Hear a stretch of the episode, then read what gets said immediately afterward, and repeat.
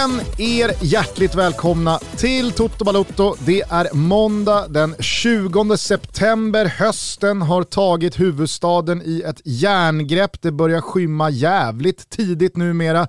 Elljusen gör sitt när allsvenskan går in i sin sista tredjedel och höstens dundermatade jävla spelschema bara rullar vidare. Det är Midweek som stundar, det är Gnaget Blåvitt ikväll, det är en helt otrolig ligahelg som eh, väntar i slutet på den här veckan innan då Champions League och Europa League rullar vidare nästa vecka. Härliga tider Thomas Wilbacher, hur mår du? Äh, men det är underbara tider. Jag älskar det här. Jag älskar när det är match var tredje dag, så som de säger i de stora internationella ligorna. Nu går man in i en period med 20-21 dagar med sju matcher. Det är bara här hemma i Sverige de aktiva drar eh, öronen åt sig och börjar skruva på sig. Ja men det är en jävla kvalmatch i Moldavien vet du. Då, då, då blir det stora rubriker kring att eh, truppen är hårt ansatt och att eh, ja, stretchingen inte funkar. Men, eh, nej, men i Europa så har det väl kommit igång och jag vet inte om du känner det, men, men det börjar typ så sätta sig lite grann också.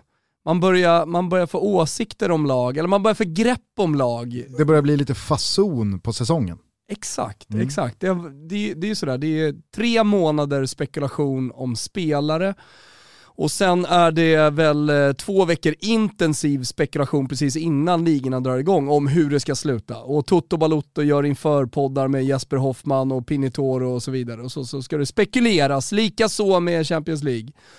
Eh, men, eh, men nu börjar man få lite svar, även om det är långt kvar. Ska du kanske inleda det här avsnittet precis som alla som hör det med att jag sveper och så tar vi liksom episoden därifrån? Ja men tycker jag det är så vi gör va? Ett kronologiskt svep kommer här. Ja, härligt. För ni vet ju hur det blir, vilken söndag det var. Fan, nu får du skicka in visslan här mitt i starten Kimpa. Ni vet hur det är, sådana här hårda Europacup-veckor. Det är urblåsning och full patte tisdag, onsdag, torsdag och så kommer den deppiga rekylen fredag, lördag innan vi åker igen på söndag. Precis så blev det den här helgen också. I eh, England så fortsätter Brentford flyga sådär nykomlingshögt som bara första gånger kan göra. Visst eh, lurar en tyngre period runt hörnet, men med Tony längst fram och Ponny in the back lär tillräckligt med poäng plockas för att ha marginal ner till strecket ett bra tag framöver. Wolves däremot, Ja, det känns faktiskt sorgligt att behöva konstatera, men eh, Raul Raúl Rally Jiménez ser faktiskt helt vilsen ut efter den där vidriga huvudskadan för snart ett år sedan. Arsenal gnetade till sig en ny 1-0, Liverpool kunde till slut vinna ganska bekvämt mot Vieras Palats och Manchester City gick från att göra 6 mot Leipzig till att göra 0 mot Soton. Tänk om de hade haft en nia längst där framme. Fiorentina tog tredje raka, Inter pulveriserade Bologna och Atalanta tog vitala tre poäng på Arecchi mot Salernitana. Atletico Madrid fortsätter att krångla och gnissla och hacka, 0-0 hemma mot Athletic Club från Bilbao, Joao Felix inbytt och utvisad 18 minuter senare och Antoine Griezmann har dessutom långt ifrån fått någon smekmånad i sin comeback till publiken. De regerande mästarna ser inte ut att vara i harmoni, men hörni, Tigen lever fortfarande. Radamel Falcao gjorde debut för Rayo Vallecano och behövde bara 10 minuter innan nätet rasslade. Vad är det du brukar säga Thomas? Klass är konstant.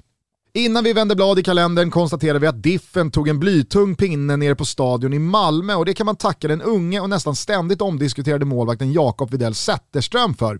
Hjalmar Ekdals sena kvittering kanske möjligtvis inte var speciellt rättvis, men Samtidigt är fotbollen logisk i sin psykologi. Ett stort hemmalag med bara en seger på fem matcher och lite stukat självförtroende som börjar vackla sista halvtimmen 25 och som fått in tvivlet i truppen. Hur många gånger har man inte sett det laget tappa en skör ledning? Fråga bara Juventus, för det är där vi hamnar när vi tar oss till söndagen. Tidig ledning och ganska mycket av det gamla Juve under första 45 mot ett Milan som fick klara sig utan både Zlatan, Giroud, Calabria och efter bara 35 minuter även Simon Kjär. Men självklarheten finns inte där för tillfället. Milan bjöds in i matchen genom slarv, märkliga byten och avsaknad av en trygghet. Och kvitteringen från Ante Rebic var både logisk, rättvis och möjligtvis även lite för lite. Hade jag spelat i Milan hade jag varit mer besviken över utebliven seger än glad över en poäng strax efter slutsignal. Men eh, det är jag det. Roma inkasserade säsongens första förlust borta mot Hellas efter några riktiga klassmål på Bentegård. Lazio tappade poäng, eller snarare kanske man ska säga att de räddade en poäng hemma mot Cagliari. Och glädjebesked från Empoli där Albin Ekdal comebackade med 20 minuter för Samp, som tog säsongens första seger. Men efter solsken kommer alltid regn, eller vad är det man säger? Alexander Isaks tröga inledning på La Liga fick sig ytterligare en törn med en dragen baksida igår mot Sevilla och eventuellt hänger VM-kvalet nu i oktober löst. Aj, aj, aj, aj, aj. Matchen eh, Real Sociedad-Sevilla då, 0-0. Superväntat givetvis. Bordalas Valencia höll på att definitivt få den perfekta starten på året när man med bara fem minuter kvar på Mestalla ledde med 1-0 mot självaste Real Madrid. Men Carlito Ancelotti, han har en duo längst fram som kommit ganska långt sedan Gladbach borta i fjol. Karim Benzema och Vinicius Junior har utvecklat någon slags telepati och på några få minuter vände marängerna på steken och tog med sig alla tre poäng från apelsinstaden. I eh, Tyskland ville Dortmund kontra på Bayerns 7-0 mot Bochum och Erling Haaland höll givetvis i taktpinnen. Nu blev det bara 4-2 mot Unionen från huvudstaden, men Norrbaggen klev med sina två mål upp på facitet 68 mål på 67 spelade fighter i den gulsvarta tröjan.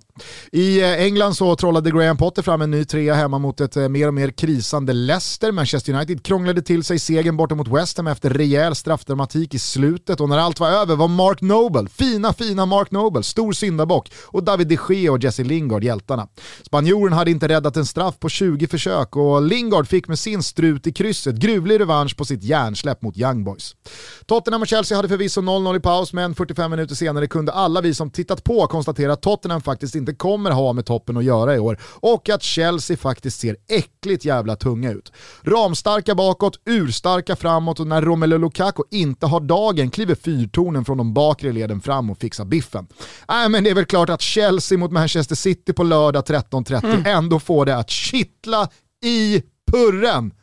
Ser vi dessutom till Chelseas kommande spelschema i Premier League så råder jag alla klubbar som tänkt vinna titeln att haka på de kungsblå, för de kommer inte tappa många poäng kommande två månader.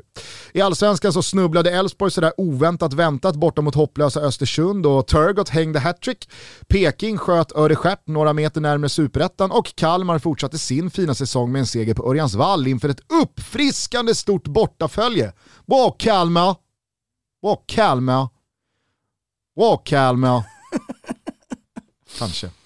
Vi avslutar svepet i Frankrike och i Paris, för där var det mycket som var på väg att gå riktigt jävla fel igår. Icardi löste en del med sitt sena vinstmål mot Lyon, men visst kommer den där blicken från Lionel Messi mot Mauricio Pochettino när argentinaren alltså byttes ut med 20 kvar, ligga som en blöt filt över PSG hela vägen fram till City-matchen nästa vecka. Delikat, stringent, tillspetsat, intrikat, ömtåligt och alldeles, alldeles underbart härligt att få följa. Mm, härligt avslut. Det är ju det som har präglat den här morgonen, i alla fall för min del. Alltså? Messis blick till Pochettino, den, eh, den sa allt. Är det, är det en bild som säger mer än tusen ord? En blick säger ju då mer än tiotusen ord. Ja men det måste ju vara det. Eh, man såg även bilder från bänken och mm. eh, lagkamrater som såg väldigt förvånade ut och slog ut med armarna och undrade vad, vad, vad är det som händer? Och Messis tomma blick ut i Parisnatten som inte hade något svar på de frågorna. Och för alla er som undrar vad vi pratar om så byttes alltså Messi ut eh, i ställning 1-1 mot Lyon. Alltså PSG har väl förvisso redan vunnit Ligue 1, men det är ju en känslig del av eh, det här nya kapitlet i både PSGs och Messis eh, historia. Mm. Eh, han har inte fått någon vidare bra start, han har sett lite halvvilsen ut både i ligadebut och i Champions League-premiären mot Brygge tidigare förra veckan. Och så nu då, återigen med Mbappé och Neymar och Di Maria runt sig hemma mot Lyon, så Alltså ingenting stämmer ju riktigt för honom. Det, det, det finns varken kombinationsspel förra... eller gambetas Nej. eller eh, det, det, det tas inga jättefarliga avslut och försvarsspelare fångar upp honom och trycker till honom och styr honom utåt och bortåt. Och, ja, det, det, det var liksom, eh, det, var, det var ett rimligt byte mm. och enligt många också, eh, kan jag, kan jag köpa in mig på också, modigt byte av Pochettino att faktiskt plocka av honom när det står 1-1 och han inte får det att stämma. Men det blir ju någonstans det andra som tar överhanden här. Det var väl förra veckan när vi pratade om att han såg lågmotiverad vilsen ut ute på planen som att han har ja, men, eh, på, på riktigt gått vilse i hela flytten och att han inte har eh, eh ens kommit i närheten av den Messi som eh, han, han var i Barcelona. Och med det sagt så handlar det såklart inte bara om, en eh, gambe, om gambetas och, och spel, utan det, eh, det, handlar väl om hela, hela tillvaron som på något sätt stör honom fortfarande. Att bo i Paris, att eh, jag tror också att, att det ligger hon, att liksom bagaget i Barcelona, det, det, det ligger för nära känslomässigt hos honom fortfarande. Alltså det, det kan det finnas också att... en dimension av att han tycker det är jobbigt att se vad som händer med Barca parallellt? Ja, jag tror, jag tror att, eh, det, det tror jag i och för sig alltid det gäller alla människor och alla situationer, att allting räknas och inte i siffror och i statistik, utan att eh, det som händer runt om dig kommer påverka vad du gör på jobbet och det som kommer hända på jobbet kommer påverka ditt privatliv. Eh, och för, för Messis del kanske han är mer människa än, alltså mer passion och mer hjärta än vad han är professionell fotbollsspelare, eh, elitsoldat i Barcelona. Utan eh, alltså 13 år, såg du den här bilden på en liten 13-årig, nästan svartvit bild, nu var det såklart inte det, men, men så här dålig, dålig blå färg. Kort på Messi som eh, hade precis kommit till Barcelona med sin pappa, han skulle genomgå den här eh, hormonbehandlingen eh, för att växa till sig och kunna spela professionell fotboll. Eh, och där då visste man ingenting vad det skulle bli av honom. Alltså den första bilden i Barcelona, ett grått Barcelona i bakgrunden. Den såg jag häromdagen. Vet du, och, vad, han, och, vet du vad han fick för lön när han skrev på sitt nej. första kontrakt, alltså som 13-14-åring? Jag, jag har eh, fortfarande några timmar kvar på Nivas otroligt matiga tredelade Messi when, when, we were, were when he was king. Eh, borde det väl vara då rent grammatiskt. Men eh, då lärde jag mig alltså att eh, när Messi skriver på sitt första kontrakt i Barcelona, som alltså 13-14-åring, så får han 6 millar per år. Helt sjukt. Netto. Ja. Mm. Alltså det är helt otroliga ja. siffror. Nej, men jag tror så här, anlända med sin pappa när du är 13 år och sen verkligen bli den ikonen. Få, alltså den resan som man har gjort. Eh, och eh, han är, han är mer, det här med, eh, inför mästerskap så har det här varit alltid en stor grej. Kanske förr i tiden ännu mer. Att det argentinska folket har sett honom som katalan och som, som spanjor kanske då, eh, mer än som argentinare. Och att han inte lyckas bära landslaget mot tittar. Det är någonting som du och jag och Christian Borrell kan raljera kring och jämföra med, med Maradona. Men även i Argentina så har man ju jämfört honom med Maradona eh, genom alla år också. Och inte riktigt känt att, det, att, att han kan bära dem till titlar. Han har inte, han har inte lyckats med det. Han har en Copa America här från förra året där han stod och grät och att han äntligen lyckades. Jag tror kanske nästan allting med Messi de senaste två åren, eller man kollar på allting som har hänt de senaste två åren, tårarna efter Copa America, tårarna med presskonferensen kanske kan tyckas rimliga såklart efter ett liv i Barcelona, men det fanns någonting äkta och genuint i de tårarna. Eh, på något sätt le leder fram till de här prestationerna. Sen kan ju det såklart ändras, han kan komma in i livet i, i Paris och i laget och hitta harmoni och balans och börja spela sin gamla fotboll. Men det är långt ifrån självklart skulle jag säga i alla fall. Men är alltså inte... det är mycket mer självklart att, eh, nu, nu är det visserligen återkomst till en miljö som man känner till för Cristiano Ronaldo, men, men jag säger så här, det är mycket mer självklart att Ronaldo gör mål i Juventus än vad det är att eh, Leo Messi flyger i ett stjärn fyllt eh, PSG. Menar du Manchester United? Ja jag menar Du Manchester sa Juventus? Nej jag menar Juventus, alltså när han kom dit Aha, bara okay, för att ja. få en flytt som inte var eh, eh en, eh, en garanti. Alltså jag tycker att Manchester United på något sätt, om vi nu ska prata om allting runt, om, runt fotbollen, är mer då en garanti. Eh, jag såg att hans fru postade liksom, ah, äntligen tillbaka, jag har saknat livet här och sådär. Eh, det snarare då är en, och bättre jämförelse med Juventus. Det var mer en garanti. Att Vem det hade bli saknat vad sa du? Jag tror, jag tror eh, Ronaldos fru hade saknat Manchester. Jag tror inte hon var around när att, han var i Manchester saknat. senast. Jag var med på den bilden. ja, kanske var inte saknat. Det här har jag inte kanske, saknat. Kanske, kanske. Här har jag gått och levt hela mitt liv. Avslöjar hon sig själv som älskarinna åt Ronaldo redan på Manchester-tiden.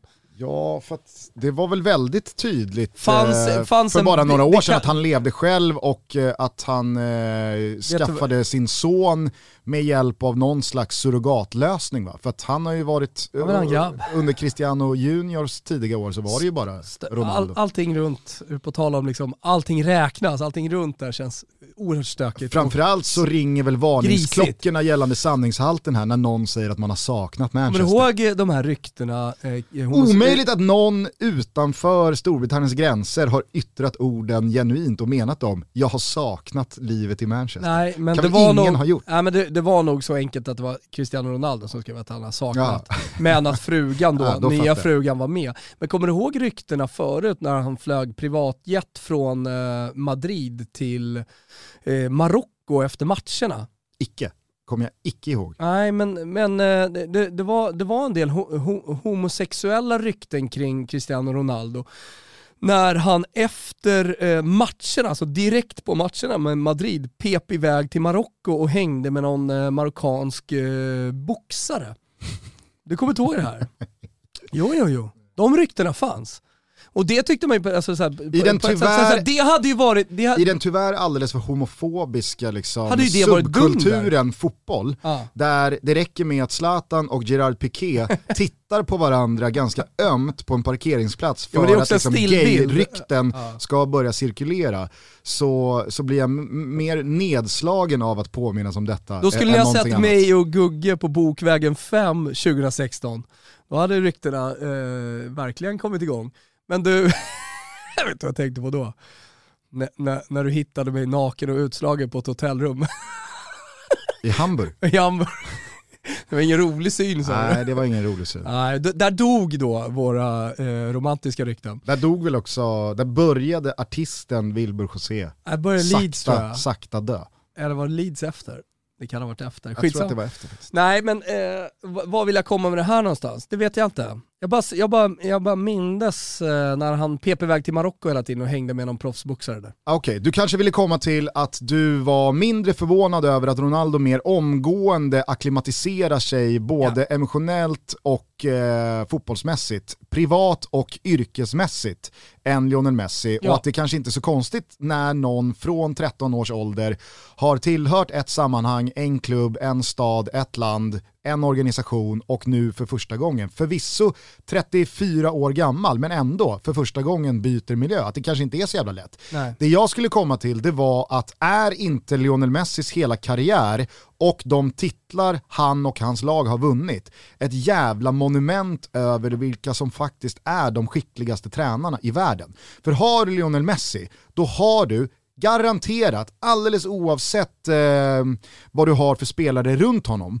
press på dina axlar. Du har titelkrav och du ska åstadkomma toppresultat. Mm. Har du Messi i laget, då spelar det ingen roll att resten av Argentinas lag kanske inte är VM-guldmässiga. Vinner du inte VM-guld, ja, då har jag väldigt svårt att tro att vare sig du själv, eller ditt lag, eller pressen eller folket i ditt land är nöjda.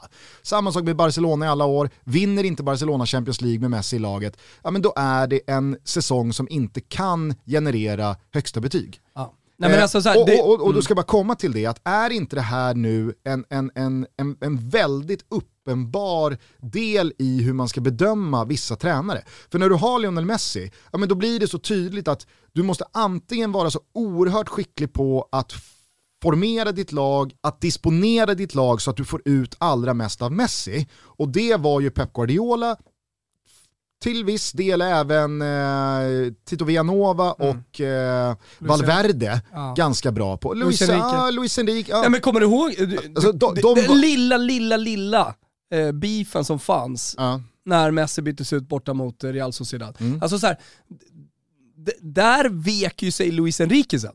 Och så bytte han aldrig mer... Real Sociedad. Okay, ja. eh, där vek ju han sig direkt efter. Han märkte shit, här håller det på att uppstå någonting. Ja. Och därför blir det intressant att se vad Pochettino gör. Det var, men det var det jag skulle komma till, att tar man Tito Villanova, eh, Ernesto Valverde och Luis Enrique så kan man ju säga att de var ju ganska skickliga på att få ut max av Messi i perioder. Och mm. det räcker jävligt långt. Men den som verkligen alltså fick ut både max av Messi men också max av de andra tio spelarna, det var ju Luis Enrique. Mm.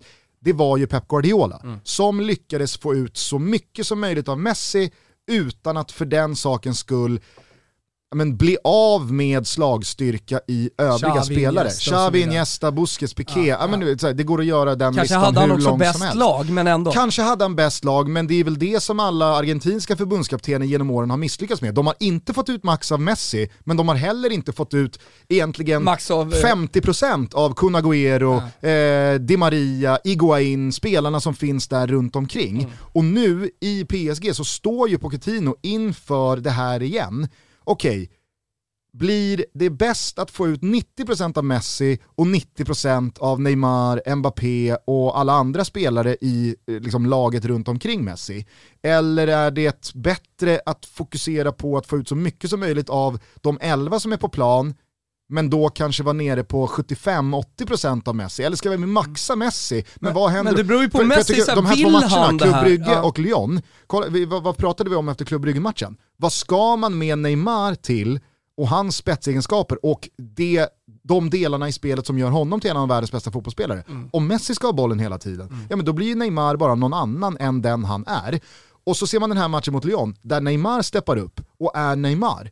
Kreativ, vill ha bollen, slår Mm. sina gubbar, tar sig in i boxen, skjuter, passar, dribblar. Men då blir, då blir Messi lite överflödig och så kan man inte utnyttja Men- Messi och hans spetsegenskaper. jag tror att så här, någonstans i grunden så måste ju Messi vilja det här själv. Så som han har sett ut i PSG så känns det ju inte som att han är redo och eh, Alltså så här, om eh, Pochettino satsar 100% på honom, om, det, om vi nu kan, vi gör det lite svart och vitt, även om det är såklart en betydligt mer eh, nyanserat än så och få ihop ett lagbygge. Men om man nu vill, vill satsa på Messi och göra Messi-grej, då måste, då, då måste ju Messi vilja det själv och just nu känns det ju inte som att han riktigt är där mentalt för att prestera eh, i alla fall 90% av sin fotboll. Det hade ju varit någonting. Men eh, ja, nu vet jag att han har någon ribba och det är klart att liksom, så han har gjort grejer på planen men det är fortfarande en skugga av den riktiga Messi. Absolut, och kanske framförallt i uttryck. Exakt. Alltså hur han ser ut, Ja. hur han rör sig, hur han... Hur agerar man då som tränare? Du måste ju någonstans vara professionell också ju. Mm. Ta ut den dåliga spelaren sett innan. Men jag, jag tror att de får rannsaka, rannsaka sig själva. Messi får ju någonstans sätta sig ner och bestämma vad han vill här nu. I, Eller så eh, får, eller så får han liksom akklimatisera sig, eller försöka akklimatisera sig till den nya miljön, till det nya laget och så vidare, få hjälp av lagkamrater och tränare och allting. Och så kanske det kommer. Mm. Men alltså det, det, det, vi riskerar ju att hamna i en situation där, där man faktiskt börjar diskutera, alltså så här, om, om, om det här fortsätter, nu tror jag inte det kommer göra det, men, men om det här fortsätter och Messi är en okej spelare, då, då går han ju tillbaka gratis till Barcelona. Då, eller hur? Precis på Alltså- samma sätt som att man oundvikligen när Janne Anderssons landslag gör stora saker utan Zlatan, någonstans alltid öppnar dörren till diskussionen, är Sverige bättre utan Zlatan än med Zlatan? Så finns det ju de som alltid har ställningstagandet och menar på att ja, men Sverige kommer alltid vara bättre med Zlatan, det finns alltid plats för Zlatan. Och det är ju en superrimlig ståndpunkt att ha en sån diskussion, men man kan ju samtidigt heller inte blunda för vad som händer med övrigt lag och vad slagstyrkan i liksom summan av delarna leder till. Och där finns det ju motbevis som stärker tesen att Sverige kanske faktiskt i en del typer av matcher, i en del sammanhang lyfter sig av att Galna, galna franska sammanhanget. sammanhanget. Sammanhanget. Nej, men du fattar vart jag, Ja, ja. vart, vart, vart jag vill komma någonstans. Jag är inte säker på att Sverige hade gjort en lika bra insats mot Spanien med Zlatan i laget. Men jag är helt övertygad Ja. om att Sverige hade gjort en mycket bättre insats mot Grekland med Zlatan i laget. Det där är ju liksom, det där är en svår diskussion. Jag tror att fortsätter det så här, då kommer någon till slut behöva lyfta diskussionen, är PSG bättre utan Messi? ja. Och, och, och så här, Alltså- är det en orimlig diskussion att lyfta? Icardi gör ju mål igår. Alltså de får ju en annan spelartyp, de får mer tyngd i boxen, de kan Om lyfta Neymar- om in långt. Neymar Jag menar, blir rent bättre- taktiskt så är det ju ett rimligt byte. Om Neymar blir bättre, Mm. om Mbappé blir bättre, om Di Maria blir lite bättre, utan Messi. Jag säger inte att de blir det, men om de Mm. blir det. Jag, jag så så här, ingen ifrågasätter att Lionel Messi är världens bästa fotbollsspelare. Några kanske gör det, men att han är eh, en av världens två, tre bästa fotbollsspelare ifrågasätter ingen. Men alltså Neymar, Mbappé och Di Maria är inte Viktor Claesson, Marcus Berg och Kristoffer Olsson. Vad sa du att de hade nu, eh, PSG? Är det City Det är City borta? nästa vecka. Och då är det mot Pep Ja, det är Guardiola? City hemma nästa City vecka. hemma. Och, det, och det exakt, det var, där nämner du det som är liksom Ja, juvelen exakt. i hela den här veckan fram till den matchen. ju. Att det är Pep Guardiola som definitivt kan liksom sätta Messi i dunderskiten. Alltså inför den matchen så ville man ju bara tick-tack, tick-tack. Ja. Tic-tac. Tic-tac. Tic-tac. Vi är sponsrade av Zcooly, en värld av lärande spel med fokus på matematik för barn mellan 5 och 12 år. Och i appen så finns det över 300 spelövningar som eh, ni som föräldrar som lyssnar på det här kan sätta er med och vara delaktiga med ert barn. Och skärmtiden, när de sitter med sina surfplattor eller era, så har ni koll på exakt vad de pysslar med. Det blir meningsfull skärmtid. I skolappen så finns alltså e- en värld av lärande spel. Och vad innebär detta då? Jo, det är spel som är utvecklat av erfarna pedagoger. Så barn mellan 5 och 12 år, de lär sig matematik fast de inte riktigt förstår att de lär sig matematik för att de har ju kul när de gör det. Och funkar detta, alltså går det att lura barnen så att säga, att eh, de gör någonting meningsfullt på sina surfplattor. Jo, men det funkar. Det kan jag nämligen skriva under på. För att framförallt min mellandotter, hon älskar inte direkt eh, matematik. Ofta man har suttit med stencilerna där hemma och man får liksom kriga in det. Nu kan jag ta fram surfplattan och så går vi bara in på Zcooly och så tycker hon att det är jäkligt kul. Och jag som förälder kan sitta bredvid och se exakt vad hon gör. Så att man är liksom delaktig på ett sätt eh, som i alla fall jag uppskattar väldigt, väldigt mycket. Det är såklart viktigt att det är utvecklat av erfarna pedagoger och det är Zcooly-appen. Testa detta själva, tror ni inte på mig? Ja, då får ni 30 dagar gratis just nu med kampanjkoden TUTTOBALUTTO. Sen är det 99 spänn i månaden. Jag tycker att det är värt att betala 99 kronor i månaden. Det kan ju ni bestämma er för själva, men innan ni avfärdar det, ladda ner Zcooly-appen stavas Z-C-O-O-L-Y. Och som sagt, gratis 30 dagar ah, kan man inte tacka nej till. Gå också in på skoli.se slash totobalotto så kan ni läsa mer. Vi säger stort tack för att ni är med och möjliggör Toto Balotto. Mycket att eh, gå igenom efter den här helgen, inte minst eh, då söndagen. Eh, vad, säger vi om Juventus-Milan och att det slutar 1-1? Ja, vad, såg vad tycker du om min summering i svepet? Ja, men jag, tycker, jag tycker det var jättebra summering. Jag skulle bara vilja understryka hur jävla mycket jag gillade matchen. Publiken tillbaka på läktarna, alltså det, det har ju, de har ju kommit tillbaka lite i det tysta. Helt plötsligt så är allting, inte normalt, men det känns lite mer normalt. Man hör Juve, Juve, vaffanculo och man hör Milanista Pezzo di Merda från Juve-klacken. Och eh, det är jävligt mycket känslor på planen. Och jag har ju saknat de här randiga toppmötena så jävla mycket. Liksom. Att det verkligen är toppmöten. Att det inte är ett eh, nedmonterat Milan som inte har någonting med en scudetto-strid att göra. Eh, och så här Juventus som bara seglar iväg mot eh, ligatitlarna. Derby d'Italia också tillbaka. Så det har hänt någonting med toppstriden. Man pratar till och med om liksom, de sju systrarna igen i Italien, även om konstellationen är lite annorlunda. Det finns inget Parma där, men däremot finns ett Atalanta där och så vidare.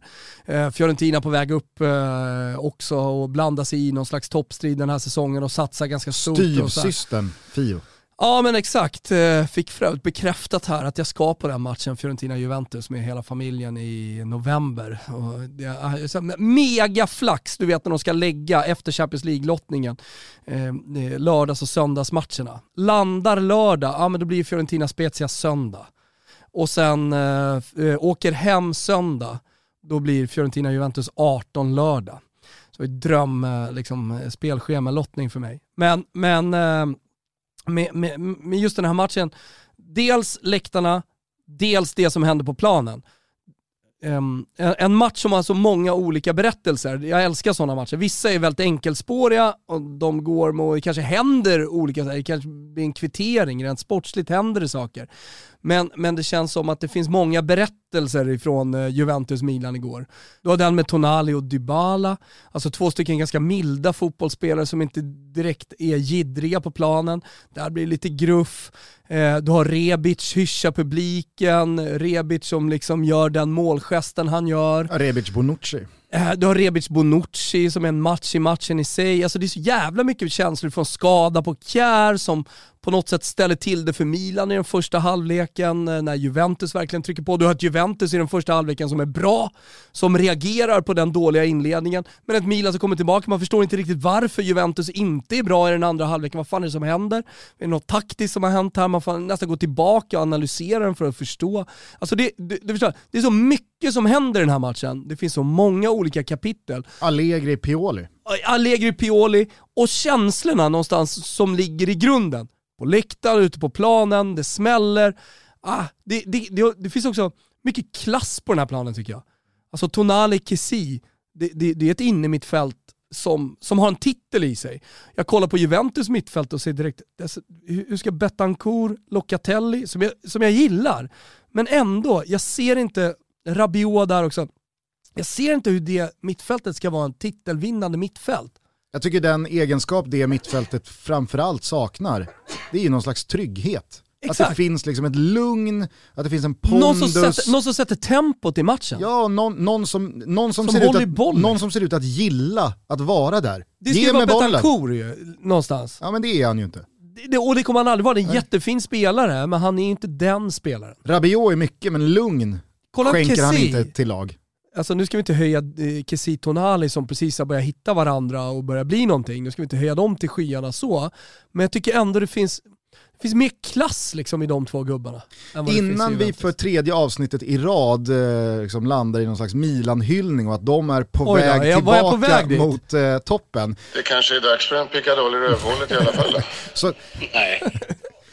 så tycker jag att vi liksom väldigt mycket från den här matchen kan glida över till det som händer i Malmö FF just nu. För jag tycker att Oj! det är väldigt samma eh, lika som händer i de här klubbarna. Det rör i min skalle här. Jo, fast jag var inne på det i jo, svepet jo, jo. att det finns en sån jävla självklarhet i att det här händer, inte jämt, det kan dröja många månader, ibland år mellan gångerna. Men när det väl sker så är det logiskt, man har varit med om det förr, man kommer vara med om det igen. Med den stora, tunga elefanten som ska vinna titeln, som, eh, som egentligen inte behöver stressa upp sig jättemycket. Men för att att det är dem så, så både snurrar och låter varningsklockorna högre och det, det snurrar snabbare och det blir en medial press och det blir ett externt tryck. Jag menar kolla på Malmö FF just nu. För bara några veckor sedan så är det klang och jubel och det är nya 200 millar in, man tar sig in i Champions League och man ligger eh, jättebra till för att försvara SM-guldet. Har inte de redan vunnit sin och... titel lite grann eh, i och med att de kom in i Champions League? Jo absolut, men nu har det gått tre veckor, mm. man har en seger på sex matcher, man fick en snyting av Juventus i inledningen av, av Champions League och kanske en liten känsla av att ah, fan, det, det, det, är ju trots allt en bit kvar till dess att vi kan hävda oss i eh, det här sammanhanget. Men parallellt med det så har man tappat alldeles för många slarviga poäng i allsvenskan, man är fyra Alltså det, det, det, ska man ju komma ihåg att man, man faktiskt är... Vinner ju det där till slut ändå alltså. det, det kanske man gör, men i det här så fylls skadorna på. Eh, Christiansen både kastar stolar och blir avstängd, tar onödiga gula kort och blir avstängd. Colak som gjorde mål på allt Det tycker jag är en bra reaktion däremot, det är positivt. Ja, alltså Gulasch till disciplinnämnden som ska hålla på att stänga av Anders Christiansen för att man visar känslor. Ja, då var det någon som sa så här, jo men det, det har hänt förut. Var det äh, vad heter det, Tränaren, Jörgen Lennartsson. Att man ska vara konsekvent och att det är bra att man är konsekvent för han sparkar på någon jävla drickaback och fick en match avstängning. Men man vill ju att Jögga sparkar på en drickaback. Man vill att Anders Christiansen äh, slänger en stol. Man vill att eh, Patrik Zackrisson i Leksands omklädningsrum sparkar sönder en papperskorg. I en professionell liga så får du väl kanske 10 lax böter klubben får. Men du ska ju inte straffas rent sportsligt, bli, bli av med matcher Nej, för att det, du gör sådana exakt. saker. Alltså, du får ju ersätta dörren, som... stolen, drickabacken och för... det, det, ska vara rimliga straff. För varje få... sånt här beslut så lägger man ju band på och inskränker det vi alla väl vill att fotboll ska vara, känslor. Jo men det, det, här, det, det är väl den sportsliga avstängningen, det, det är väl att jämföra med fängelse. Jag menar, det finns böter, det finns fängelse. Han ger han böter då, men stänger fan inte av han. Sätta in han i finka här i, i ett par månader liksom. Vad fan är det AC har runt foten? han, En han, fotboll. han spelar med Fotboll. boja. Ja, men jag tycker på något sätt att det går att göra den jämförelsen då. Alltså det finns, finns liksom eh, ringa brott, snatteri. Det kan du fan inte få fängelse för. Var jag skulle landa någonstans var i alla fall att det som man upplever kring Malmö FF nu är ju precis samma sak som man upplever kring Juventus. Alltså klubben som på många sätt och vis inte kan Det är väl betydligt värre Juventus just ut- nu. Alltså, kris. Ha- Hade Alltså, Milan gjort allt- mål igår så allt- hade vi med att göra med ett megahaveri. allt är väl relativt, men det är den här onda cirkeln, spiralen som snurrar snabbare neråt. Man känner av att det, det, det, det gnälls på dom. Frans Brorsson är ute i media och börjar snacka om någon liksom, konspirationsteori mot någon domare, att man inte vågar döma straff eller vad det nu är. Jon Dahl Tomasson Alltså han, han, jag, jag jag såg långa intervjun efter matchen mot Djurgården som Diljen Notler gör. Alltså, han, han är ju så tålmodig och lugn men där inuti så ser man Kokar. ju hur liksom frustrationen bubblar och kokar Men- och, och vi kommer alla ihåg hur det lät förra veckan när Olof Mellberg frågade ifall Malmö inte hade scoutat Juventus. Alltså frustrationen börjar ju pysa ur och man känner ju en stress på ett helt annat sätt som, jag bara skulle landa i, blir logiskt när man ser hur de här matcherna artar sig i slutet. Exakt samma sak sker ju igår i Turin. När Juventus liksom börjar tappa greppet med den starten man har in i säsongen då, precis som jag skrev i svepet, jag har sett det hundra gånger förut, jag kommer se det hundra gånger igen. Då börjar man backa bakåt, då börjar man ge ifrån sig initiativet, då blir man obekväm med bollen, då börjar liksom allting tala Nej, för att den här sig. kvitteringen kommer komma. När den kommer så är den ju den är 100% väntad. Ja. Precis som när, e- liksom, efter tredje monsterräddningen Videll Zetterström gör här, Djurgården har ingenting. Så, man sitter ju bara och så, ja nu kommer ju, alltså Djurgården kommer kvittera den här matchen. Den, det, det är bara en tidsfråga.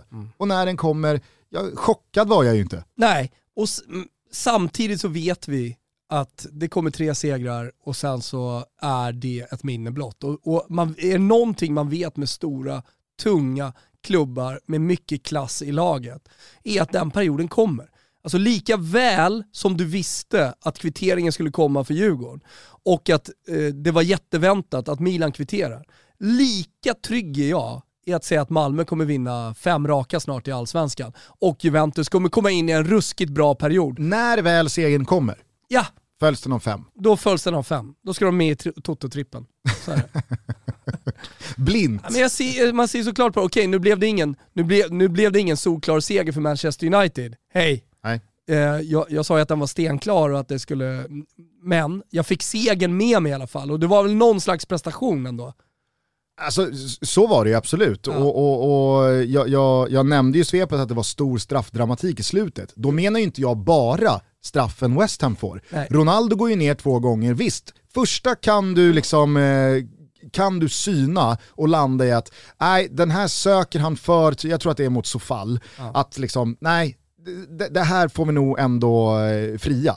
Men den andra, den andra situationen, alltså kalla mig eh, cynisk, men det är ju bara för att det är Cristiano Ronaldo man väljer att inte dela ut den straffen. Det är ju straff. Sen, så- sen, sen så kan man prata hur mycket man vill om att jo men han söker benet och bollen är på väg, han petar bara undan bollen. Jaha, jo men alltså, så här, det är ett ben som hindrar honom i hans löp Mm. Mot bollen. Mm. Då, då får man ju faktiskt konstatera att då ska det vara straff. Mm. Men nej, jag vet inte. Man, man bedömer det som att det är Cristiano Ronaldo. Känn, upp, så upplevde jag det i alla fall. Ja, jag, jag så jag kan inte tycka att, eh, att det var liksom någon poetisk orättvisa Nej. att eh, de Gea till slut faktiskt fick rädda en straff. Världsfotbollens Andreas jag, Isaksson. men, jag, men, jag menar bara nog... Hade någon sämre självförtroende när det blåstes för straff än Andreas Isaksson? Nej. Ja, Ja, ja, ja. Jag kastar mig väl åt något håll så det ser ut som jag gör något i alla fall. Jag kan ju inte bara bara. stå här.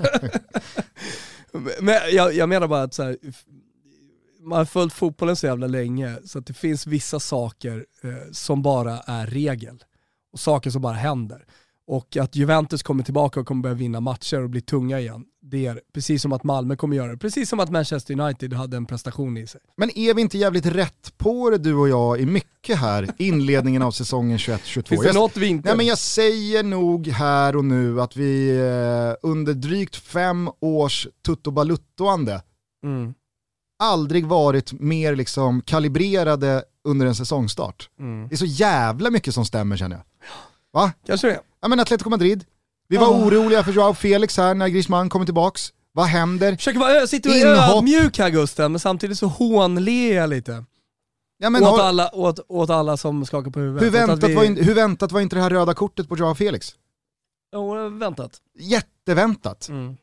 Bordalas, Valencia, alltså mm. jätteväntat. Visst, torsk igår, de, de tappar mot slutet, men fan det måste vi prata om. Du kommer ihåg vad som hände ja. Eh, borta mot eh, Borussia Mönchengladbach för ett knappt år sedan va? När Real Madrid var där och spelade Champions League-fotboll. Mm. Du minns de klassiska, numera klassiska bilderna på hur Karim Benzema står och pratar med, vem kan det vara? Kan det vara eh, Ferland Mendy? Mm. Eh, någon lagkamrat i Real Madrid i alla fall, efter då första halvlek då Vinicius Junior har tagit felbeslut på felbeslut på felbeslut och inte spelat Benzema i ett par lägen där Benzema har haft ett, ett, ett, ett ja, Fransmannen tillbaka, Benzema. Franska A där Benzema. igen. Eh, han har haft ett par eh, positioner och lägen där han ska ha bollen men Vinicius Junior har gått på egna avslut. När han väl har gått på avslut så har han eh, skjutit över utanför och han har duffat och han har, eh, det har blockats. Och så säger ju då Benzema till eh, sin lagkamrat, fan det kanske är Hassan. Äh, skitsamma vem det är, så säger han på Gud eller på, på min mamma, han spelar emot oss, han tillhör andra laget. Alltså det är, det, är, det, är, det är något skämt. Vad fan håller han på med? Och så hade ju någon övervakningskamera då fångat det här och så skickade någon liksom, fransk tidning fram läppläsaren som konstaterade att jo, han står och hånar Vinicius Junior duktigt här. Mm. Att han spelar i andra laget, han, han är emot oss. Mm. Eh, det, det, är 12 mot 10 där ute, det är inte 11 mot 11. Eh, och nu, ett knappt år senare, så ser Vinicius Junior och Karim Benzema ut att ha hittat varandra och ett samspel som är men, som är titelvinnande, direkt, det är det som är grejen. Exakt, det är direkt avgörande oavsett motstånd. Mm. Och det är ju jävla häftigt att se hur två spelare som var så omaka för mindre än ett år sedan mm. nu men det är, framförallt är som ju, ler och långhall. Ja men exakt, men framförallt så har det ju hänt någonting med Vinicius Junior. Han ja. har ju lärt sig någonting, han har ju utvecklats. Och det är nog en lärdom för alla också. Eh, visserligen går Kamavinga in och ser redan ut som en färdig spelare och ser också väldigt titelvinnande ut i sin spelstil. Men det behöver ju inte alltid vara Kamavinga, 18-åringar som går in i laget. Även om du är en av Brasiliens mest uppburna talanger, så behöver det inte alltid funka från start. Du kanske behöver en säsong i Real Madrid B, eh, du kanske behöver ett utlån innan leveranserna kommer och börjar kännas självklart i en sån stor klubb som Real Madrid, eller någon annan stor klubb. Och det kan även vara med flyttar mellan ligorna. Alltså ibland behöver man eh, liksom påminna sig själv om att ja, men, som vi pratar om Messi, att det är människor vi har att göra med och att eh, eh det, det, det, är inte alltid garanti från minut ett. Nej. Dessutom superväntat, när jag nu tänker efter, att Real... Galna mjuka Toto här idag som, som eh, tar in eh, människan och eh, känslorna i det, det, det, det, annars så hårda och karga fotbollsklimatet. Är det inte superväntat ändå att Real Madrid efter en titellös säsong som på väldigt många sätt och vis var både en besvikelse men också en slutpunkt för det Real Madrid som vann tre Champions League-titlar i rad, eh, Ramos Real Madrid, eh, Zidans Real Madrid kanske framförallt. Alltså när de två lämnar samma sommar efter en säsong som var titellös, Ancelotti kommer tillbaka till Real Madrid och även fast Carlo Ancelotti inte står för ja, men den mest eh, gränspushande fotboll och framtidens fotboll så är det ju en vinnare. I slutet av dagen så vill Carlo Ancelotti lyfta bucklor och titlar. Oh ja. Och jag tror att väldigt många spelare i det här Real Madrid som är av den yngre generationen som inte var med och lyfte de där Champions League-bucklorna och var jättedelaktiga i dem, de har nog landat i att fast vi är Real Madrid här och i slutet av dagen så handlar det om att vinna. Ja. Och då kanske man faktiskt klarar sig undan med att backlinjen ser lite halvsvaj ut rent breddmässigt, rent positionsmässigt. det finns en desperation i det här Real Madrid att vara med i toppen och faktiskt vinna titlar den här säsongen. Man hämtar upp underlägen i slutet av matcherna i inledningen av ligaspelet, man eh, håller sig kvar genom Courtois i en timme borta mot Inter och får in 1-0 i 89 minuten, man vänder ett underläge i paus mot Celta Vigo till en klar seger och igår så vänder man ett underläge till seger på fem minuter borta mot Valencia. Alltså, det finns någonting i den matchutvecklingen lite för många gånger för att det ska vara en slump som gör att jag känner att Vinicius Junior, ja, men han har fattat vad Real Madrid handlar om. Real Madrid är en klubb som ska vinna. Och det är väl det han har fått lära sig under de här åren. Ja. Alltså det har behövt ta tid. Kamavinga har liksom lämnat Rennes, en plantskola, en klubb som kanske, oj vad bra, vi kom sexa. Mm. Wow, fantastiskt, vi ska få kvala till Europa League. Och steppat in i Real Madrid, sett 13 stycken Champions League-bucklor eh, på kansliet och, och, och, insett att så här, här mm. så bedöms du bara i vad du är med och bidrar till titelmässigt. Mm. Det är det enda det handlar om. Jag tänkte på, jag såg att du tweetade om det, uh, i, ett, i en fantasy-kontext, att uh, din gamla Lenny Takes uh, Hazard var tillbaka. Nej, Vad tyckte du om jag, hans... skrev om det i, jag skrev om det i whatsapp Jaha, jag blandar ihop whatsapp och, och, Twitter. Ja, ja, men då, då kastar jag ut det till folket här.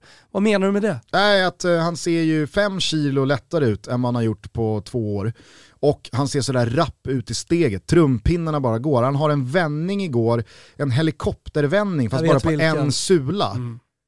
Alltså det, det, det, det finns... Det har han inte gjort på, på nej, nej. Eh, tre år, han har, två år han har varit i Real Madrid. Ja det här är väl hans tredje, tredje säsong, ja, har exakt. precis inletts i Real Madrid. Under i alla fall hans första två säsonger så har, har inte riktigt det skett. När Eden Hazard byter riktning med 70, 80, 90 grader på en sula åt fel håll, då, då, vet man att nu, nu börjar den här kroppen varvas upp. Vet du vad jag tror med Ancelotti? Jag, jag, tror att han är den perfekta ledaren för den typen av spelare. Alltså, jag, tror att, jag tror att Hazard inte har mått speciellt bra i Real Madrid. Det, det, har inte varit hans miljö, det har inte varit hans stad. Men jag tror att Ancelotti, han är bra på att hitta, äh, få spelare att hitta tillbaka till sin gamla goda form. Nu kommer jag inte på några tydliga exempel just nu, men jag vet att jag har rätt i det här. Det var så, alltså, så ett av de sämst hade, underbyggda hade, hade argumenten någonsin. Hade Ancelotti tränat PSG, då hade Messi redan flugit. Tror du? Ja. Ja. Han är liksom, han är för binär i sitt ledarskap, Pochettino. Och nu vet jag att alla Spurs-supportrar inte håller med mig. Åh, det är mysfarbror och han har minsann ett fantastiskt ledarskap. Men han är i alla fall inte Ancelotti i den frågan. Nej, och alltså jag menar det, det, det, måste ju vara ett väldigt bra betyg till Ancelotti även på gamla dagar här att han får de två enda nyförvärven att flyga så högt och så bra direkt Verkligen. som de Men alltså, gör. Alltså, maximera Alaba, alltså, talangen, det är Alaba, det det handlar Alaba, om. Alaba för ju sig och rör ju sig som en lagkapten ja. i Real Madrid. Han pushar linjen och han skriker och han gestikulerar och han driver ju det där laget bakifrån. Och Kamavinga ja, men han hoppar in och är otrolig direkt. Men jag börjar mer och mer landa i det efter alla, alla år inom toppfotbollen som man har sett miljarder matcher. Jag börjar mer och mer landa i att, så att tränare, får man ut maximalt av den samlade talangen du har i truppen. Jag skiter om du spelar 4-2-3, tysk energifotboll, catenaccio eller vad fan det nu är. Alltså få bara ut maximalt av alla spelare. Jag vet inte ens hur, men jag, vet, vet, du vad? Jag vet inte ens hur uh, Real Madrid spelar taktiskt. Jag skiter i uh, vilken numerär uppställning de har. Jag vet bara att Ancelotti får ut maximalt av sina spelare och det är det enda som spelar någon jävla roll. Men är inte Ancelottis Real Madrid det perfekta motexemplet till det vi pratade om gällande Pochettino, Messi och PSG?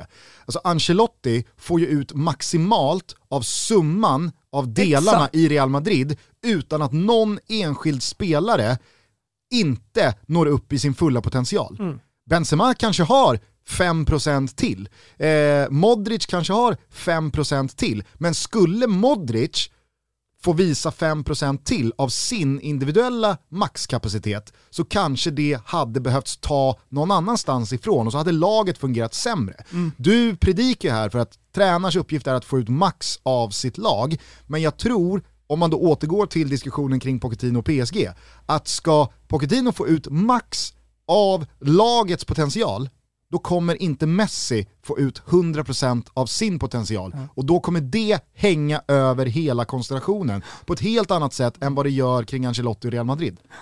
Som Ja, ett ja, exempel. Ja, verkligen.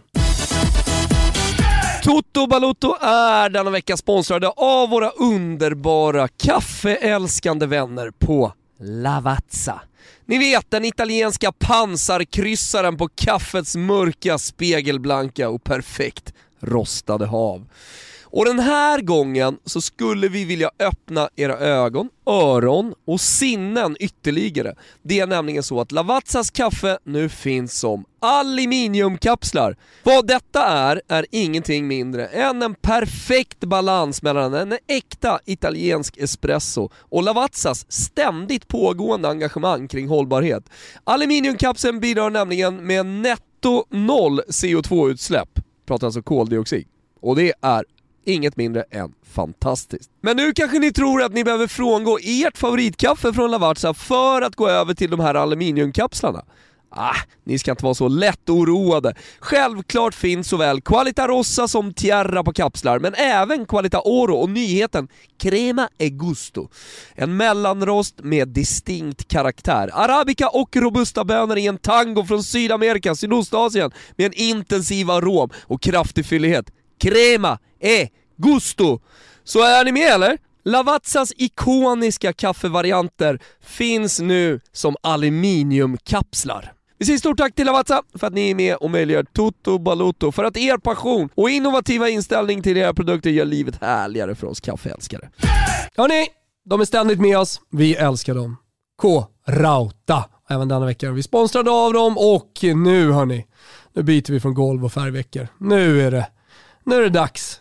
Nu är det badrumsvecka. Jag vet det är många som har gått och väntat på det här. Vet, man, har, man har kikat in i sitt något risiga badrum och tänkt här behövs det lite klinkers, här behövs det lite kakel, här behövs det en ny blandare, här behövs det en ny handfat. Ny mugg! Den har man suttit på lite för mycket. Ja, men nu måste ni passa på. Det är nämligen 20% på Svedbergs, men inte bara. Och vi har ju precis renoverat badrummet här i studion med just prylar från K-Rauta och med 20% på Svedbergs. Då vart det inte så jävla dyrt. Som många tänker kanske att det ska vara när man renoverar badrummet. Det finns otroligt många snygga, stilrena, vi valde stilrena produkter. Om ni går i badrumsrenoveringstankar men ni vet inte riktigt vad ni ska välja, hur det ska se ut, ja, men gå in på kodata.se för att se hela badrumssortimentet. Ni kan också gå in där och följa vårt badrumsprojekt och se hur vi har tänkt. Vi fick ju såklart hjälp av deras projektplanerare, de ska ni också ta hjälp av. Det finns många anledningar att just nu göra slag i saken och renovera sitt badrum. Kanske framförallt för att det är 20% på Svedbergs med flera. Bli även medlem i K-Rautas kundklubb om ni inte har blivit det tidigare. Ja, men storma in där och så får ni ännu fler grymma erbjudanden. Vi, vi säger kitos till K-Rauta. Eh, vi, vi tar oss snabbt till England för jag vill bara studsa och bolla några grejer med dig. Mm. Eh, Jimenez, delar du min känsla? Ja, absolut, 100%. Det är någonting hände i den där smällen mot huvudet, som alla kommer ihåg säkert. Borta mot Arsenal, det var väl i november typ Mm. eh, i fjol. Eh, tog ju ett halvår för eh, Raúl Jiménez att komma tillbaka, nu spelar han med en hjälm och alltså jag förutsätter att han har alla fysiska checkar i boxen han behöver för att springa runt jag, på jag vet inte planen. om jag förutsätter det. Alltså. Men han ser ut som en annan anfallare. Han vet inte vart han ska vara, han, eh, han ser inte speciellt stark ut i duellspelet. Eh, Jag, jag, jag, håller ju inte, på det väldigt mycket med hockey nu för tiden. Som ni kanske känner till. Det är, älgar i mittzon. det är och- älgar i mittzon och det är mycket käka pluck, puck och innekorridorer och så vidare. Men eh, där, där är ju just huvudskadorna och hjärnskakningarna hela tiden en het potatis, någonting man diskuterar, hur kan man bli av med det och det är någon huv, eh, huvudtackling som är uppe i rätten just nu och sådär. Så då läste jag på Expressen, eh, de hade en eh, lång artikel med en fotbollsspelare som har varit tvungen att lägga av och mår jävligt dålig efter ett par, tre hjärnskakningar. Jakob Widell Zetterström, Så. bara på tal om det, det är ju Djurgårdens målvakt som spelar i den där Peter Käck-hjälmen efter två stycken eh, smällar mot huvudet som höll honom borta och var på väg att liksom släcka ner hans karriär innan den ens hade börjat. Mm. Men som han nu uppenbarligen är kvitt från eh, och eh, har gått vidare ifrån. Men att han fortfarande är jävligt eh, känslig för ytterligare smällar mot huvudet. Jag kan tänka mig att eh, Raúl Jiménez lever någon slags vardag som inte är perfekt. Uh, att uh, den otroliga, vidriga jävla huvudskadan som han åkte på förra året fortfarande hämmar honom. Och eh, alltså, mår du då dåligt, nu är vi tillbaka där igen Gusten, mår du då dåligt eh, vid sidan av planen, ja då kommer du inte prestera max heller. För det, det, det krävs 100% varenda jävla match. Och anledningen till att jag älskade Raúl Jiménez så var det för hans passion på planen. Hans spelstil. Han var Luca Toni-typen. Han ville vinna precis varenda duell. Alltså det var 100%... Det var en enmansarmé. Ja, det var en enmansarmé. Du kunde skicka upp bollen på uh, Raúl Jiménez så hände det någonting. Antingen fick laget flytta upp, han jobbade till sig en frispark, han kunde dribbla trots sin längd och uh, något gängliga spelstil och han satte dit bollar får du inte 100% av en sån spelare, då är det lätt att det ser ut sådär. Och eh, då måste ju det bero på någonting. Inte bara att du är begränsad för att du kanske mentalt är rädd att gå in i olika situationer. Så att eh, vi, ska nog, vi ska nog inte ta för givet att eh, allting är checkat i alla eh, medicinska boxar. Jag tycker nog också att den kanske största och tydligaste skillnaden på Jiménez nu efter skadan kontra innan, det är att han vet inte vart han ska vara i straffområdet. Han vet inte vilken yta han ska söka upp. Var det någonting som imponerade så jävla mycket på mig med Jiménez under liksom hans genombrott i Wolverhampton så var det att han var alltid på rätt plats. Han behövde en eller två touch, men framförallt så var han alltid i den position, i den yta han skulle vara. När bollarna kom snett inåt bakåt, när de kom i djupet, när de kom eh, från eh, ytterzon med inlägg, när de, äh, var det än var så var han hela tiden ja. där. Nu, nu alltså, jag, tycker, jag tycker man ser det på inte bara Jiménez utan också på eh, Adama Traoré, mm. Moutinho, alltså spelarna runt omkring honom. Så här, vad gör du där? Mm. Du ska vara där. Jag hoppas att det är en fråga om eh, att hitta tillbaka i matchform. Eh, att han fortfarande inte har hittat den matchformen, tajmingen i löpen. Men eh, ja, ja, jag, är, jag är lite, eftersom det är en favoritspelare så är jag lite oroad. Mm. Eh, vi håller oss kvar i England bara kort. Eh, det var ju eh, upppiskat derby mellan Tottenham och Chelsea. Går det i ont blod mellan de klubbarna har ju smält satan senaste decenniet i de där matcherna. Jävla härligt måste man säga. Alltså, ja. det, det, är för många London-derbyn i Premier League som inte har någon som helst derbykaraktär. Mm. Alltså minns bara Arsenal-Chelsea för några veckor sedan. Det var, det var, ju direkt beklämmande att titta på det som ett derby. Hur många jag, gånger har inte Manchester-derbyt fått skit för att det är liksom knappt ett gult kort, det smäller, man kramas eh, efter slutsignal. Och många det, det liksom... gånger i Toto Balutto, fotbollspodden. Ja. Eh, hur som helst, Tottenham-Chelsea det är ju uppiskad stämning både på plan och på läktaren. Speciella omständigheter igår också i och med att Jimmy Greaves hade dött. Eh, Tottenhams meste målskytt genom tiderna, men som också var liksom Chelsea. Eh, I hjärtat tror jag, han pratade väl om att Chelsea var liksom hans klubb, men att det var i Tottenham han spenderade större delen av sin tid. Nu kanske man får någon jävla Tottenham-support ja, ja, sig, du... men de är ganska mjuka. Ja, alltså, det, det är Jon Vet och gubbarna. Alltså, det är, det är lugnt problem. att få alltså, Tottenham-gänget efter sig.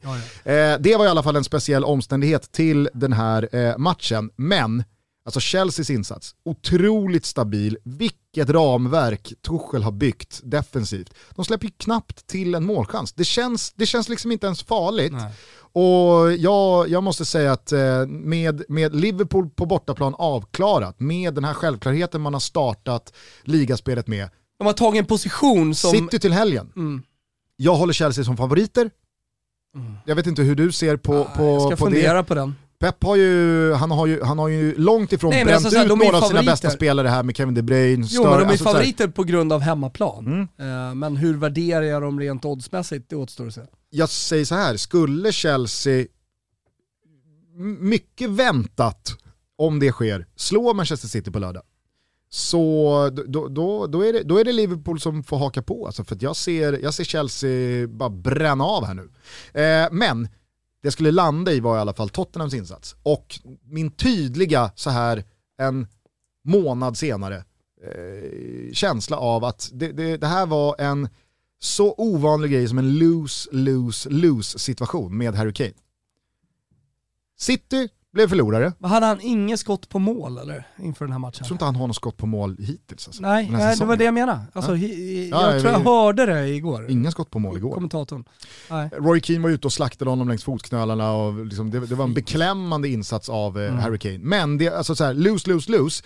Manchester City har uppenbarligen har ju liksom förlorat på den här situationen. Man gick efter en tung, stor världsklassanfallare. Först i Kane, sen i Ronaldo, det blev ingenting. Ferran Torres petade in några bollar i början, men Southampton-matchen här i helgen blev ju ett alldeles liksom, yppligt exempel på att det saknas en pusselbit i Pep Guardiolas verktygslåda.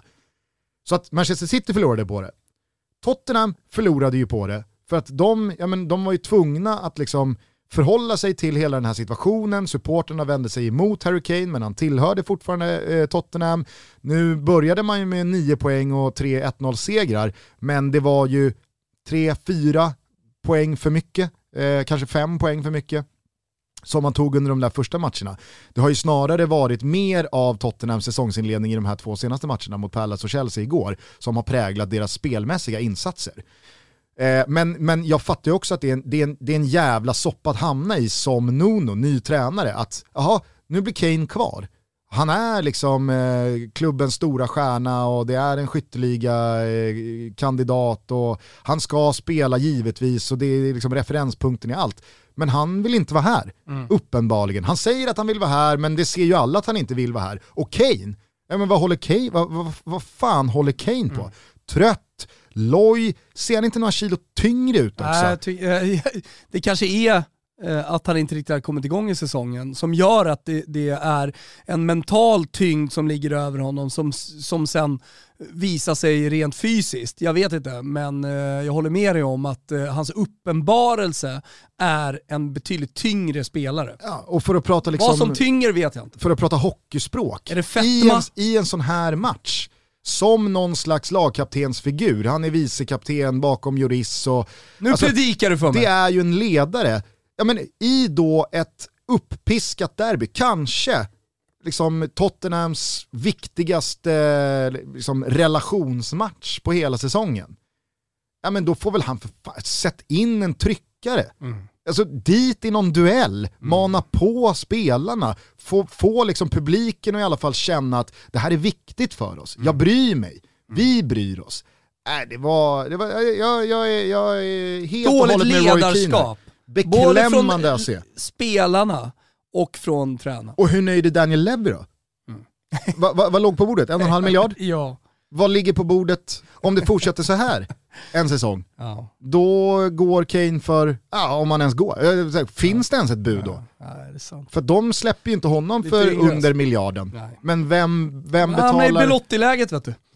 Ja, hamnar i Belotti-läge. Han ska gå för miljard. Fick in bud på så 60, 70, 80 miljoner. Torino bara nej, nej, nej, vi ska ha miljard. Il Gallo, alltså knappt värd 30-40. Var det Cairo som eh, Cairo, nekar? Ja. Han ja, kör ju en eh, George Costanza där när eh, de får ett bud på serien, just, Jerry. Ja, ja, just det. får 14 000 dollar. Ja. Ja, vi, vi kommer pass.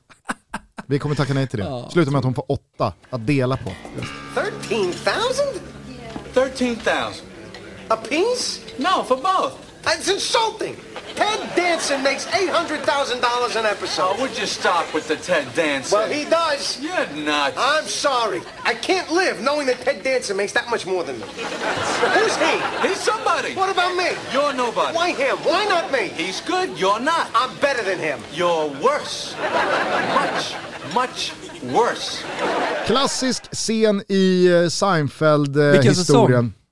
Det är väl eh, precis i inledningen av säsong 4 tror jag. Mm. Eh, det var väl typ det jag kände att jag hade på hjärtat denna måndag förmiddag. Har vi glömt något? Känner du att eh, du, det, du vill lufta någonting nej, mer? Nej, men det är väl mer liksom en känsla som bubblar i mig eh, sådär inför kvällen. Eh, att eh, det blir hem och, och polera knogjärnen, alltså vänta in Göteborgssupportrarna, sen klappa på någon jävel rätt på käften. Skärpet. Ah, skärpet ska fan fram alltså. Kom då era sillstrypare! Nej då. Eh, jag ser allt mycket fram emot matchen. Är inte AIK eh, Blåvitt lite allsvenskans Tottenham-Chelsea om man då bortser från den stora skillnaden att man är från olika städer? Alltså, det, det finns ju ett ont blod mm. mellan AIK och IFK Göteborg. Någonting, någonting... Det finns också en, eh, en ömsesidig respekt för varandra. Ja, Förstår vad jag menar? Väldigt mycket på grund av det som hände strax efter att Ivan Torina hade gått bort. Då var det ju AIK, IFK Göteborg och ja. det var en sån jävla liksom vördnadsfull och fin ja, men, gemensam uppslutning i den sorgen. Ja, det, det, det, är en match jag, jag verkligen minns liksom, ja. som, som ett fint ögonblick. Och kanske försvann några procent av den här liksom hatiska stämningen mellan klubbarna. Men jag, jag upplever ändå att när det kommer till hatmöten i, i allsvenskan så är det ju få möten som, som eh, toppar AIK och IFK Göteborg. Nej, men, eh, alltså, det finns en tyngd i det här mötet. Eh, det är inte ett derby för de kommer inte från samma städer, men det finns en tyngd i mötet som... Eh, Stare är tillbaka nu också. Stare tillbaka, precis. Eh, nej, men som som eh, går att jämföra, nu jämförde du med ett eh, London-derby, men som går att jämföra med möten i andra länder, i toppligor. Eh, I och med att det är två tunga klubbar, det är två två klubbar med mycket publik och många supportrar. Jag vet inte om det har gjorts någon sån här demografisk undersökning hur många supportrar det finns till varje klubb. Sånt görs ju alltid i England och i, i Italien, i Frankrike och så vidare. Eh, det är till och med så att man baserar pengarna man får för tv-rättigheter delvis på demografiska undersökningar för att se hur många supportrar som finns i landet. Det är därför till exempel Juve skårar högt i Italien trots att de är låga i Turin som är väldigt stora på den toskanska landsbygden i södern och så vidare. Eh, jag menar, där måste väl, där måste väl AIK och IFK Göteborg, kanske, är det, är det de två klubbar med flest supportrar i Sverige? Ja, alltså jag tänker ja. att de har, IFK Göteborg har, du menar, har jättemånga Du menar geografiskt support. utspritt? Ja, alltså kolla på våra, vad är det, 10,8 miljoner invånare i Sverige. Alltså om du kollar på dem, för jag menar IFK Göteborg har ju vunnit väldigt många supportrar på 80-90-talet runt om i Sverige. Och AIK har ju liksom sina fin, finspånggnagare och nej men runt. Nu är ju Bayern eh, kanske eh, topp ett där, jag vet inte. Eh, I och med att de har alla dalmasar och, och skit va. Eh, men, men är du med på vad jag menar? Ja, Malmö känns ju väldigt Malmö-centrerade. Exakt, känns Djurgården känns väldigt Stockholm-centrerade. Å andra sidan kan ju då Malmö ha hela Skåne, Eh, alltså mer eller mindre sådär och få väldigt många supportrar där. Men Djurgården väldigt Stockholmsbaserad som sagt. AIK tror jag har lite fler supportrar ute i landet än Djurgården. Eh, Bayern en annan historia och det är väl de som har växt mest då de senaste 10-20 åren. Ja, och innan man ska liksom hoppa på någon slags ha-ha-våg gentemot eh, klubbar som har supportrar utspridda i landet så ska man komma ihåg att väldigt mycket av det handlar ju om att klubbarna har firat stora framgångar internationellt. Alltså IFK Göteborgs supporterbas utanför Göteborg med omnejd ja, kom, kommer väl väldigt mycket från att man var så oerhört framgångsrika 80-90-tal alltså Jag har kompisar europeiskt. i Stockholm som är IFK Göteborg-supportrar. Ja, jag, jag, har, jag, har jag har folk från Göteborg som håller på AIK. Om 10, 15, 20 år så kanske vi ser en nationell generation som håller på Malmö FF ja. för Marcus Rosenberg-åren i Champions League och allt Exakt. det de gjorde under eh, det decenniet. Ja, nej, eh, istället för att jag ska sitta här och slå fast saker och ting så ställer jag istället frågan då, så innan folk blir förbannade. Vilka är de största klubbarna rent supportermässigt? Och då vill jag inte ha Eh, antal medlemmar. Ingen jävla men, Benfica är störst i världen. Jag vill ha en demografisk jävla undersökning och vill veta om det här är liksom toppmötet. Vilken, mening, vilken, vilken meningslös jävla gallup. Det är som alltid, när man, som alltid när man ber supportrar om svar i supporterrelaterade frågor. Då Nej men det ska ju bara... finnas en gallup, alltså jag undrar om det har gjorts någon sån undersökning. I och med att det görs i alla länder. Kommer har det gjorts någon i Sverige? Mohamed Salah vann väl någon slags månadens mål i någon slags här Puskas Award eh, tävling. Ja, det... Med, med liksom så här ordinärt halvvolleyavslut ja, från sju meter. Ja. Det var ingenting, Nej. men det var Mohamed Salah. Ja. 23 miljoner egyptier bara liksom dunkade in röstningen jag undrar, på Salah. Jo, men frågan är ju ställd, eh, alltså jag, så, finns det, har det gjorts någon sån undersökning?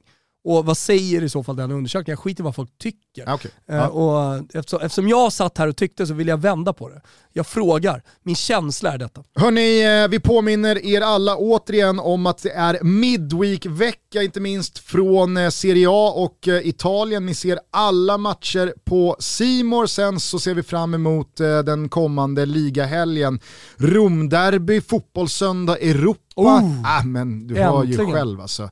Det är bara att skaffa ett abonnemang på Simor. Eh, gå in på simor.se sport så kan ni landa GOAT-paketet för 299 spänn i månaden. Mm. Då får man all fotboll från Serie A, man får all fotboll från La Liga och dessutom så kan man streama all fotboll från Champions League. Mm. Världens bästa fotbollsturnering som rullar vidare nästa vecka då med bland annat PSG, Manchester City. Alltså slå på uh, ett par hundringar där vet du, så får du med hockeyn också i, i pre, Premium Plus-paketet. Gör som mig och så hänger ni med på torsdagar.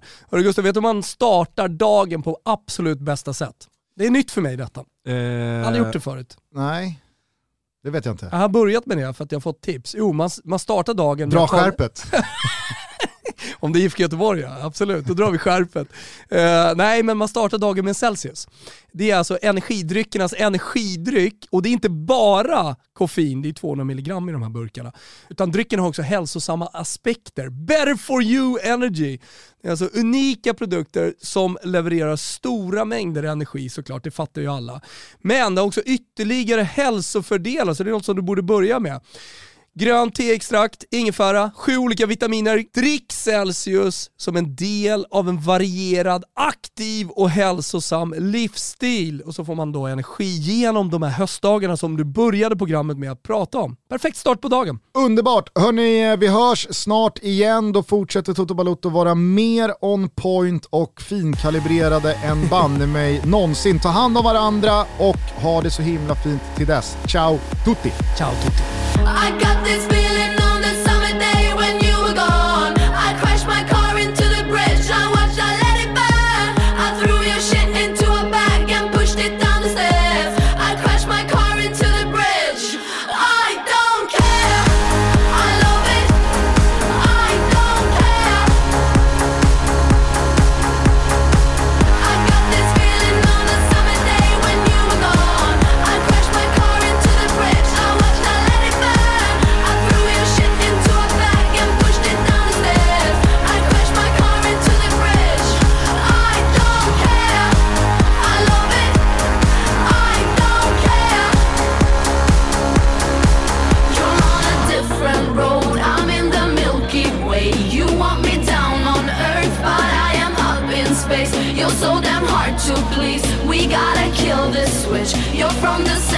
70s, but I'm